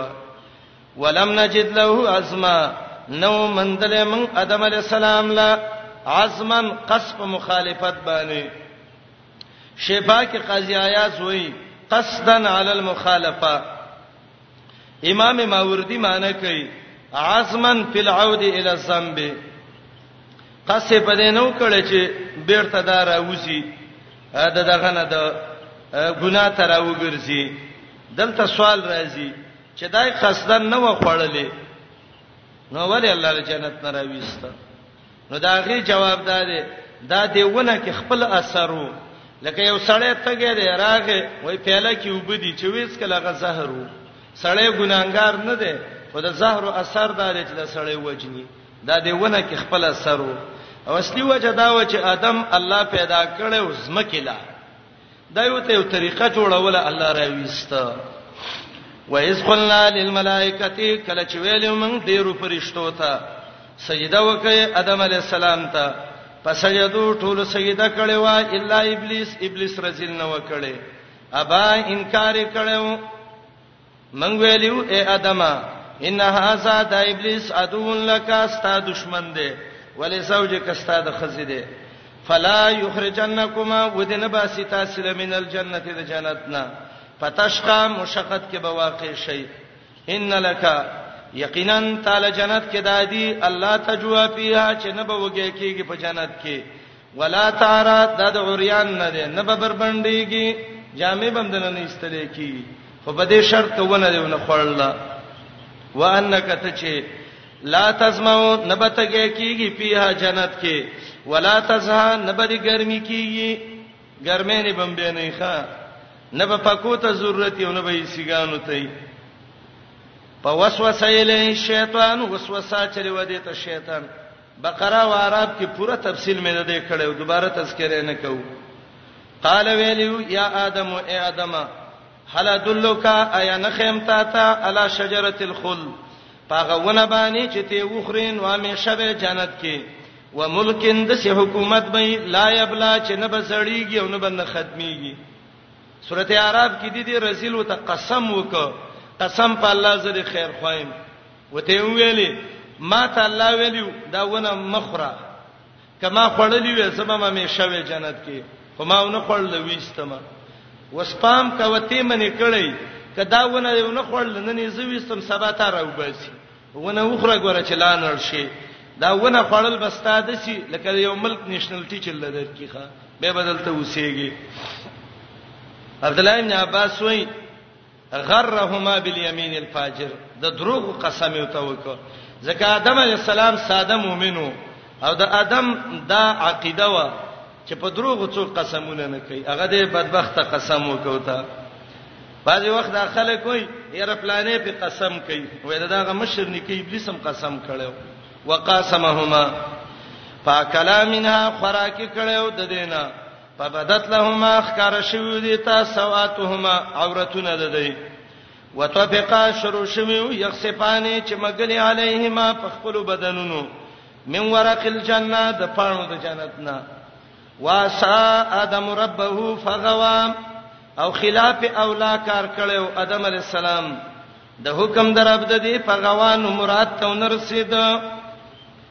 دا معنی ونه کوي چې واسوا ادم ادم علی السلام غټه ګناه کړې و ولې دا ګناه نه ده مخکې یاد کې مو اورید کنه فنسی ولم نجد له ازما نسیان قسنو نسیان ګناه نه ده د دې عصيان نه مراد ده خلاف اولا کار او عصيان مخالفت د امر ته وایي که قصدن مخالفتی او که په نسیاننی که چیرته قصدا مخالفت شوی دې ته به ګناه وای او که په یې ربانې شوی نو دا ګناه نه ده دې ته خلاف اولا وای او مخالفت د ادم علی السلام دا په یې ربانې و دا دلیل د دې نه دی چې کنه ادم علی السلام نه دا ګناه شوی و او د غوا معنی داونه کوي چې ادم سرکه شوی و نه سرکش نه و غوا غوایت د دې معنی ده محروم کېدل د خپل مقصد نه په سبب د وسوسې د ابلیس چې خوراک د ونیو د خپل مقصد ته ونه رسیدو امام قرطبي وایي دلته دوه خبرې ډېر ضروری دي یو دا ده چې دا هیڅ چاله جایز نه دي چې هغه د سی وای چې آدم علی السلام عصا صرف تلاوت کې به وای تلاوت کې رال وای به او دویم دا ده چې د څه سړی نشي ویلې چې د عصا او د غوا اسم فاعل راوالي او وای چې آدم عاصن و غاوین ګناګار سرکشه ده نه دا دوه قاعده به ساتي مرقات کې مولا لقاری وای عصيان ادم بالنسيان والنسيان ليس باسمنا ابن امیر الحاج مدخل دویم جز 15 کې وایي چې په غیر د تلاوت نه چا دا ویلې چې دا ادم عاصی دی او غاوی دی وای سړی کافر دی او بیا غوي زاد المسیر کې د ابن قتیبه قول را نقل کړی دی چې موږ د سیمه او چې عصا ادم ربه فغوا لیکن د سینه ویو چې ادم عاصن وغاوینه دا ټکی بنویو ځکه انبیا معصوم دي د ګناوونو نه قبل النبوه او بعد النبوه بعض خلک غلط شوی دي دي کې زاد المسیر کې ابن جوزی وایي چې دا معنی کوي چې دا غوا معنی دا چې ادم سرکش شوی نه نه دا غوا چې ده دا د غویه یغوانه ده د غوا یغوی نه نه ده او غویه یغوا د دې معنی دا ده چې سخړې خپل مراد ته ونرسیږي او چې سرکش شي هغه ته غوا یغوي وي غویه یغوا چې د سمع اسمعون شي نو دا راځي په معنی د عدم بلوغ خپل مراد ته واسادم خلاف اولا کار کړو ادم علی السلام ربه د حکم دربنا په غوا مراد ته نو رسیدلې بل دا چې دا قول د الله دی د الله په قول باندې دا څوک ادم باندې صاحب نشي لګولې ثم تباه به غره کړو د رب د دې احسان په کړو وهداک لکړو د الله په دین قال الله تعالی احبتا منها کوشي د دینا جميعا ټول باز استاسنا د بازو د پاره ادون دشمنان دي فإما يأتينكم پس کراشی تاسو ته من نظم د خوانه هدن هدایت فمن تبع هدايا چا چې تابعداري وکړه زما د هدایت چې پیغمبران دي کتابونه دي فلا يضل ولا يشقى نبا گمراه کیږي دنیا کې ولا يشقى نبا بدبخت کیږي اخرت کې زاد المسیر کې ابن جوزی د دې آیات لاندې د عبد الله ابن عباس قول ذکر کړی دی من قرأ القرآن واتبع ما فيه چا چې قرآن ولست او د حکمونو اتباع ولا وکړه هداه الله من الضلاله الله به ته د گمراهۍ نه هدایت وکي ووقاه سوء الحساب الله به نه کار حساب نه وساتي الله دې دا زمنګ نصیب کړي ومن اعرض عن ذکری چا چې اعتراض وکړ زما د پنه او زما د یاداشنه د الله ذکر نه کو قران ویو او پرې خود فإن له يقينا يبدل معيشة جن په قبر کې دون کا ډیر تنگ دا معنی نه ده چې معیشت به نه وي ورته آیات ته وګورئ یو سړی د قران نه اعتراض وکړ دوه معنی دي یو معنی دا دی چې قران یې یرک نو حدیث کې راځي د الله په لوی ګناګارانو کې یو دار چې قران یاد کړي به یې کړي حدیث د معراج کې دی هغه ملک به د سر ته ولاړی او سر به ول په ګټو ولي ول ټوټه ټوټه کوي به او دویم د قران نه اعتراض وک د قران نه مخ واړو الله وای زبول معیشه ورکم جون به ای لیکن جون به تنګي د دې د معنی نه چې پیسې به وسنی پیسې به می گاڑی به می ارڅ به وسی خو دې جون کې به تنګي سکون او اطمینان به وستنی نن سبا وګورئ چا چې قران او حدیث نه خلاف کړي گاڑی موسی مخ کې ورسته ټوپه کېمتی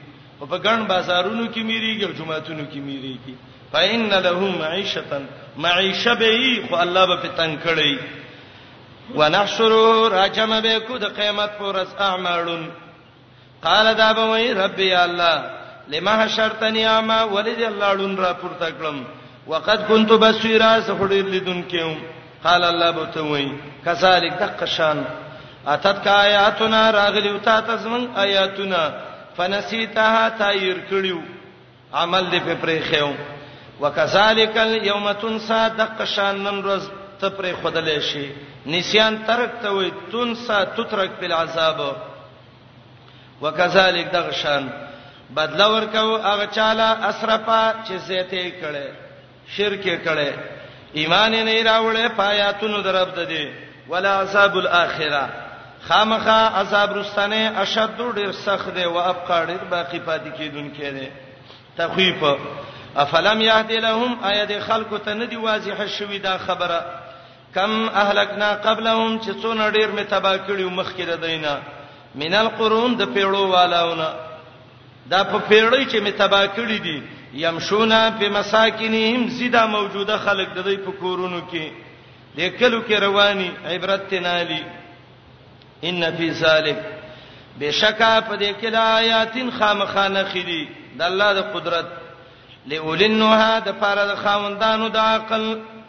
نوحا ویل کیږي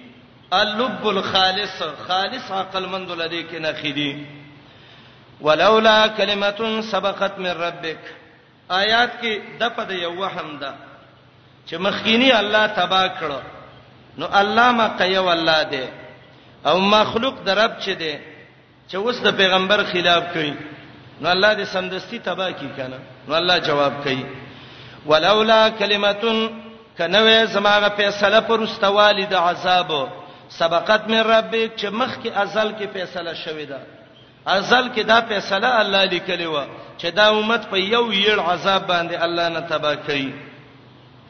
نو لکانا خامخاوي به د عذاب لزامن جوخ او اجل نیټه د عذاب چې دا مسمى د الله سم مقرره ده واجل من واجل العذاب مسمى عند الله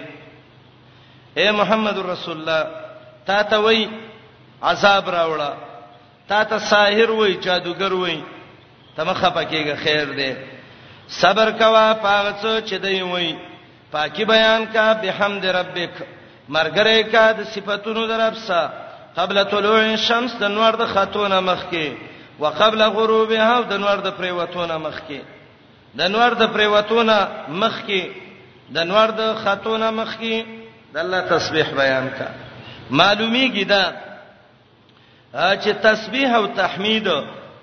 دا هر وخت کې چې سړی بیانوي د قران د آیات نه معلومیږي نور خاطه وخت کې نور پریوته وخت کې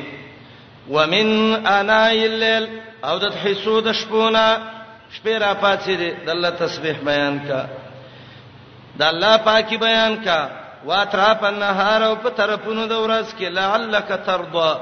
د دې لپاره چې الله خوشاله کی په خپل عمل یا ثواب حاصل کی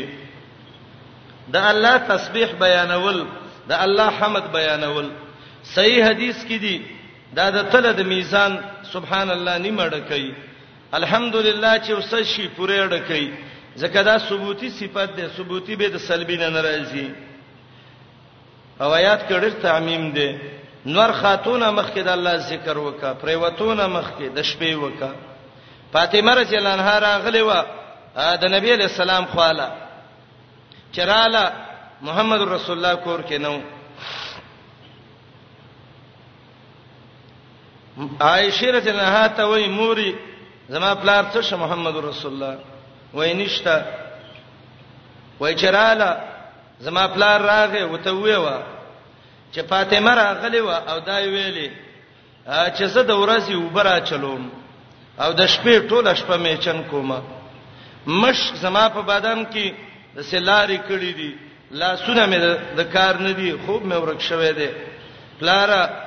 یو مری را لراکه چې هغه زمون خدمت کوي او دې حدیث نه دا معلومیږي دا خبره غلطه ده دی بعضی کتابونو کې چې چې د کور خدمت په خزو نشته دی ولی نشته دی په کنه نو فاطمه ته نبی رسول الله ویل ته باندې خدمت نشته علی د مزدور ونیس نه خدمت شته دی په د خاون خدمت بکئی د کور خدمت بکئی عائشه رااله نبی رسول الله متوي څوک خو نه راغلی وای فاطمه راغلی و رسول الله علیه السلام لاړ د شپې ټیم دی وره وټکاو ور کولاو شو د ور په درشل باندې لاس کې خدا وته ویلې بچی ترا غلی وی وای او وای ستا خو خدا یا بل مرین درکم که اخلې او یا به ته یو ذکر وخیمه چې ودا کېدی بستر کې دا ویوا مونږ نه رسته ویوا درې درسل سبحان الله درې درسل الحمدلله څلور درسل الله اکبر بسترې ته وخېږي بس دا ویوا مونږ په سیر رسته ویوا کار به کې ستړي کېږي بنا وستا خوخه د کمرې له وکړه دعا لې فاطمه رضی الله عنها ته وی پلار د دعا به واخلم ا قسم کوي فاطمه تو زهرا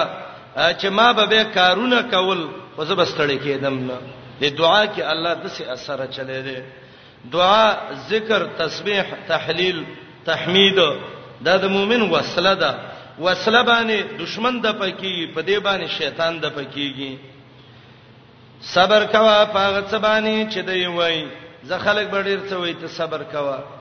پاکي بیان کا مرګري کده الله د صفاتونو څخه ستارب دی قبل طلوع الشمس د نور خاتونه مخکي او مخکي د پریوتو د نور نه او د هیڅو د شپې نه واترا په نهار او په طرفونو د ورځ کې بعض علما وایي آیات کې پنځه منځونو ته اشاره ده قبل طلوع الشمس نور نه دی خطل سار منځ وکا قبل غروبها پریوتل نه دی مازیګر منځ وکا انا الليل د شپې په طرفونو کې ما خام او مسختن وکا اطراف النهار د مسپخین منځ وکا قطاده دا معنی کړی دا لعلک ترضى ددې دپاره چې ته ثواب حاصل کړې یا ترضی ربک چې خپل الله خوشاله کړې ولا تمدن موګدوا لا تمدن موګدوا عینه کسترګستا الاما هغه د دنیا شینو ته متانا به چې موږ پیدا ورکړې ده په دې ازواجن جوړی جوړی منهم ددینا د دنیا شینه دي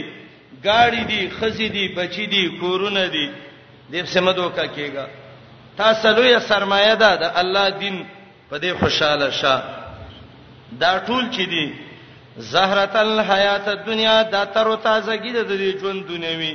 زهره عربی کې حسن او بهجه ته وایي تر او تازګي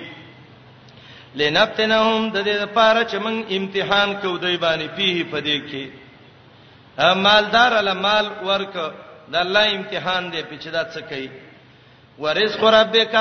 رزق درپستا خیرون ډیر غوړه دی و ابقا ډیر باقی پاتې کیدونکې دی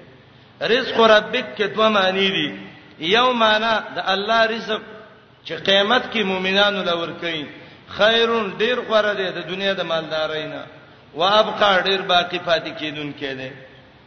او دویم قول دا ده چې د دې رزق نه قناعت قلبي مراد ده زړه کې الله کله یو قناعت چلی کلک شی هم سړی په خوشاله رزق درابستا ډیر غوړه ده او ډیر باقی پاتې کیدون کېده حدیث کرا غلیو محمد رسول الله علیه السلام به ویلي مالداری غنا دا د زړه مالداری ده ډیر کرته یو سړی به ډیره پیسې به وسی تبو ته خبره وکي دا به سرو خوځي مړ شوم تبا شوم دولګه مې ګیړه سي درد کوي ښا پرون را سي سم نو ننم وګم بیګامم بچو چړل سار چراتلم بچی راتسن ختیو چې څو خورو تاړه کې براشي چې دلته د سرک په سر کټ واچو مو چاندول وکمخه او پیسې به سدونه چې الله یې په خورینه بعضی سړی باندې رب خورینه صحابي راغله او سړی سړی جامې چلی وی رسول الله علیه السلام ته وای ځان ته اوس مالدارې پل یرا علیک اثر النعمه دا د الله نعمت په ځان ښکارا کا وامر اهلک بالصلاه واستبر علیها درې کارونه مخکې ذکر شو یو فصبر دویم وسبح دریم لا ولا تمدن عینک دا څلورم امر کوا خپل اهل ته بالصلاه په منځ باندې دا اهل نه بچی دي خزه ته متدغه وکا منځ وکا بچو ته وې و منځ وکا کته ډیر پرهیزګار او متقی او سار او ماخام صلی تسبیح هم کې او خزه دې بیلمازي نو چې دغه بیلمازه شو ضرور ټول بچی دې بیلمازه کوي زکه کله چې د کور مشر خرابي کشران خپل خرابيږي اذا کان رب البیت بدف مولعا د کور مشر چې چمبي وای پشیمت اهل البیت كلهم رقصو کشران دي ته به ټول غړیږي نو نه نه باید چې د مشر صدا فکری چې زه د خپل اهل د خزه د بچو زه د ټولو تربیه وکما امر کوا خپل اهل ته بالصلاه فمنز واستبر علیها کلک شپ دی باندې بکر ابن عبدالله المزنی مشهور عالم دی د د باره کې تاریخ لیکي اذا اصابه خصاصه کله چې به لګ غریب شو یا به کاروبار لګ خراب شو رابغه خزی بچو ته به ویلې قومو فصلو پاتې ویلې منځونه شروع کړي ولی وی الله وی چې وامر اهلک بالصلاه واستبر عليها لا نسالک رزقا رزق دې مونږ ذکر کړي دې منځونه کول سبب د فراخې د رزق دې امر کوا بالصلاه خپل هلتا بالصلاه فمنز واستبر عليها کلک شپ دې باندې او طالبانو دې حالت ته وګورئ دا شاګردان د طالب سړی جب کګوري ډیر کمزور تکړه طالب وي چې هغه کې چر 200 روپۍ اوس خو طالبان هم مالدار شوي دي لیکن د سپینې سپینې جامې اچلي که یو سړی راولي او ته وې چې پلانې دې سپونو کې وګرځا مالدار سرمایدار ته جدا کا دغه غریب طالب به وباسي او خبر باندې چې په جب کې دولګین املخان مړ کیږي ولی الله رب العالمین دایله یو قناعت ورکړی منځ دی عبادت دی وای وړه ګران شو غړی ګران شو ګرانی رااله بجلی ګران شو طالب سړی ته سره خبرېږي نه ګران به یو کوي الله ته بس ډک دسترخوان ته کینی الله د نور خلقړونو ته کتلی د نور خلقو ژړونه الله په دای باندې مایل کړي دا ولی دی د الله د دین خدمت کوي منځونه کوي دا طالبان د قران او د حدیث دا د محمد رسول الله باغ دی او د چا باغ چې خرابيږي او څوک په خپکیږي هغه ته وبولا چي دا د محمد رسول الله باغ دی د چا چې زړه کې محبت د محمد رسول الله سي هغه د قران او د حدیث د شاګردانو قدر کوي واستبر علیها کلک شپدی خو باغ باید چې کوم باغی چې هغه کوم سړی صحیح میوه وکړي د سنې طالب او لوپری ځکه خراب بوټي به باغ نه خلک بار ته غورځي ګره لا نسالک رزقا نغواړو موږ ستانه رزق د دې دا معنی ده نبی ته موږ د رزق ذمہوار نه ګرځولې د رزق ذمہوار څوک دی الله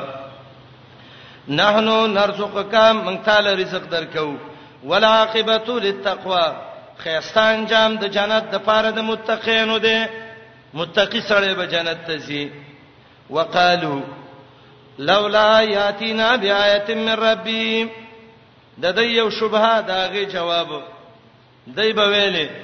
دا کرشتنی پیغمبري یو معجزه دراوړي د سه معجزه مخ کې ویلې و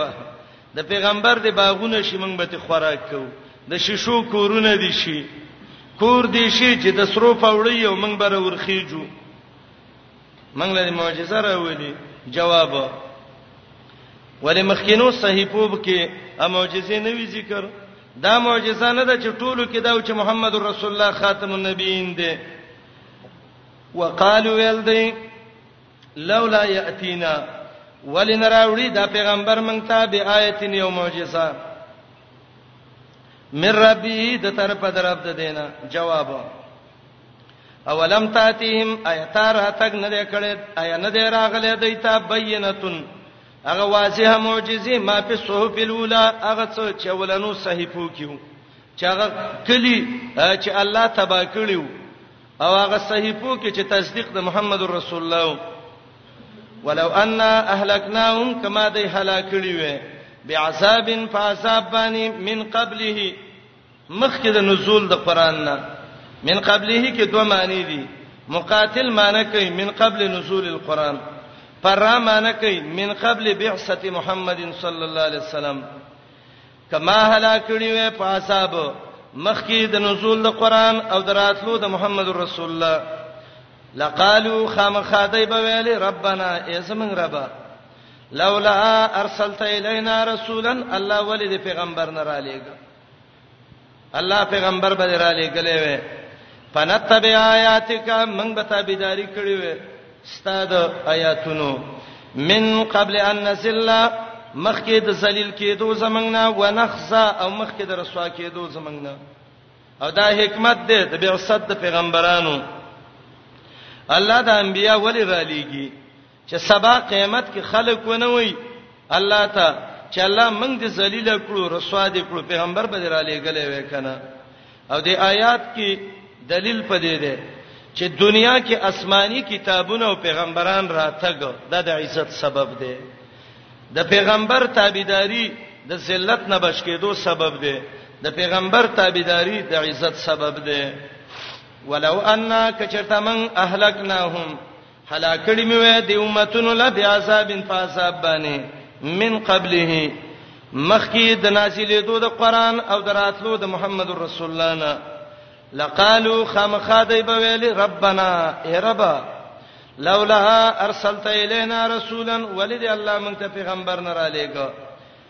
فنتبع آیاتک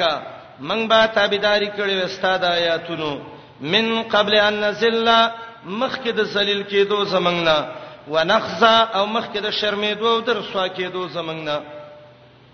او آیات کې دې ته اشاره ده چې لوی شرمې او ذلیل قیامت کې بيدینه سړې ده د نبی رسول الله ته ویل الله به دې مړ کی یو بل ته ویلي نتربص به ریب المنون مړ بشي مړ یو څور دي صبر وکي یادای بویل عذاب کله راځي الله جواب کوي قل ورته وی کلن حر یو زمنګنا متربصن انتظار کوون کې دي تاسو هم انتظار کوئ د عذاب سبم کوم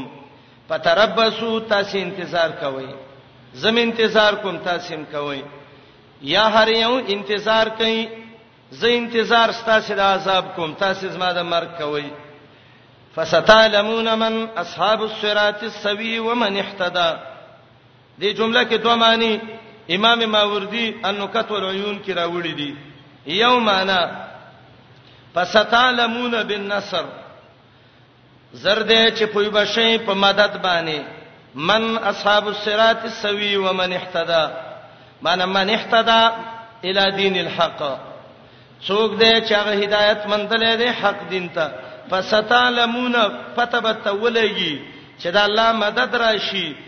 من اصحاب الصراط السوي چې د سم لارې والا څوک دی ومن اهتدى او د هدایت والا څوک دی زکه د رب مدد منګ لراغه خو منګ به د هدایت والو او که تاسو له درغه نو تاسو به یې وای دویمه معنا فستعلمون زرد چې پته به تولګي قیامت کې من اصحاب الصراط السوي چې څوک د سمیلار والو ومن اهتدى او څوک دی هغه چې هغه ته لار د جنت خودلې کیږي اهتدى معنی اهدی الی طریق الجنه دا دواړه معنی امام ماوردی ذکر کړی دی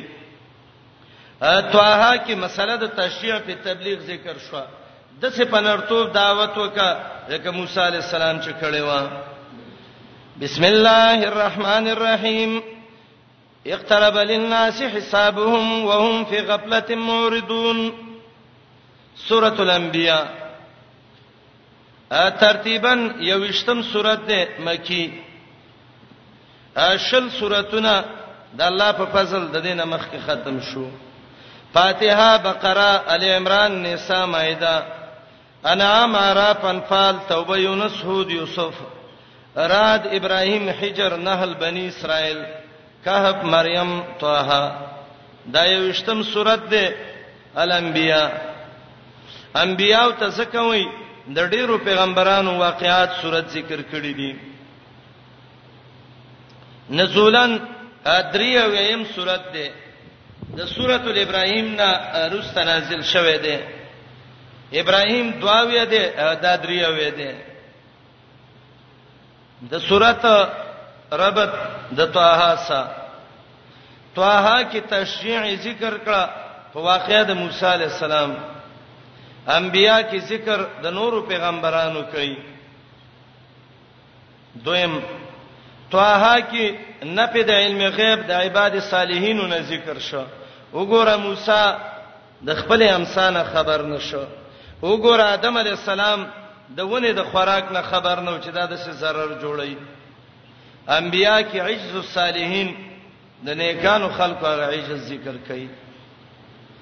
یا طه کې نه په د شفاعت قهریه و انبیاء کې نه په شفاعت قهریه په اتخاذ الولد باندې یا مخ کې ویلې فستعلمون قیامت را روان دي پته به ولګي د سملار او د کګی لارې والا څوک دی د آیات کې وایي اقترب للناس دغه د قیامت ډیر را نږدې شو یا مخ کې آیاتونو کې ویلې امر اهل ته وکا په منځ او صبر وکا دې صورت کې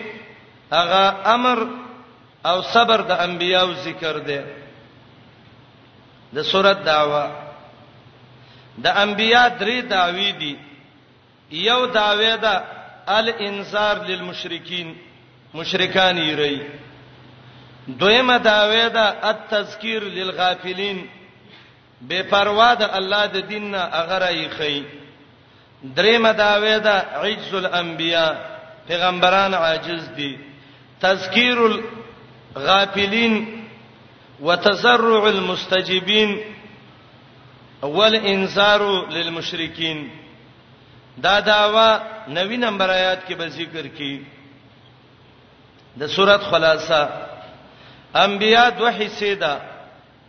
ړومبنۍ حصه اته څولې خیات پورې ده دې کې درې باب دي ړومبه باب شپږ سیات پورې دې کې اول تخفیف اخروی ذکر کړي اقترب للناس حسابهم د مخلوق د غفلت پنځه مرتبه ذکر کړي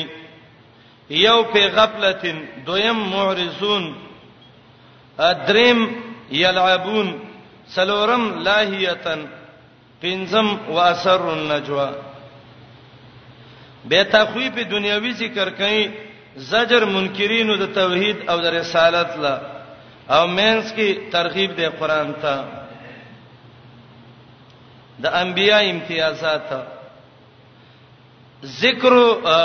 غفلت الناس بالتعبیرات الخمسه د خلکو غفلت ذکر کړي په پنځه تعبیراتو باندې او دا هغه صورت ده چې ابراهيم عليه السلام ابتلاء کې ذکر ده د داوود او سليمان په سلب کې ذکر ده د ایوب او د یونس دعاب کې ذکر ده او د دې امت یو خاص بشارت ده او دا هغه صورت ده چې د شپاړو سو پیغمبرانو واقعې ذکر کړې ده شمارې موسی هارون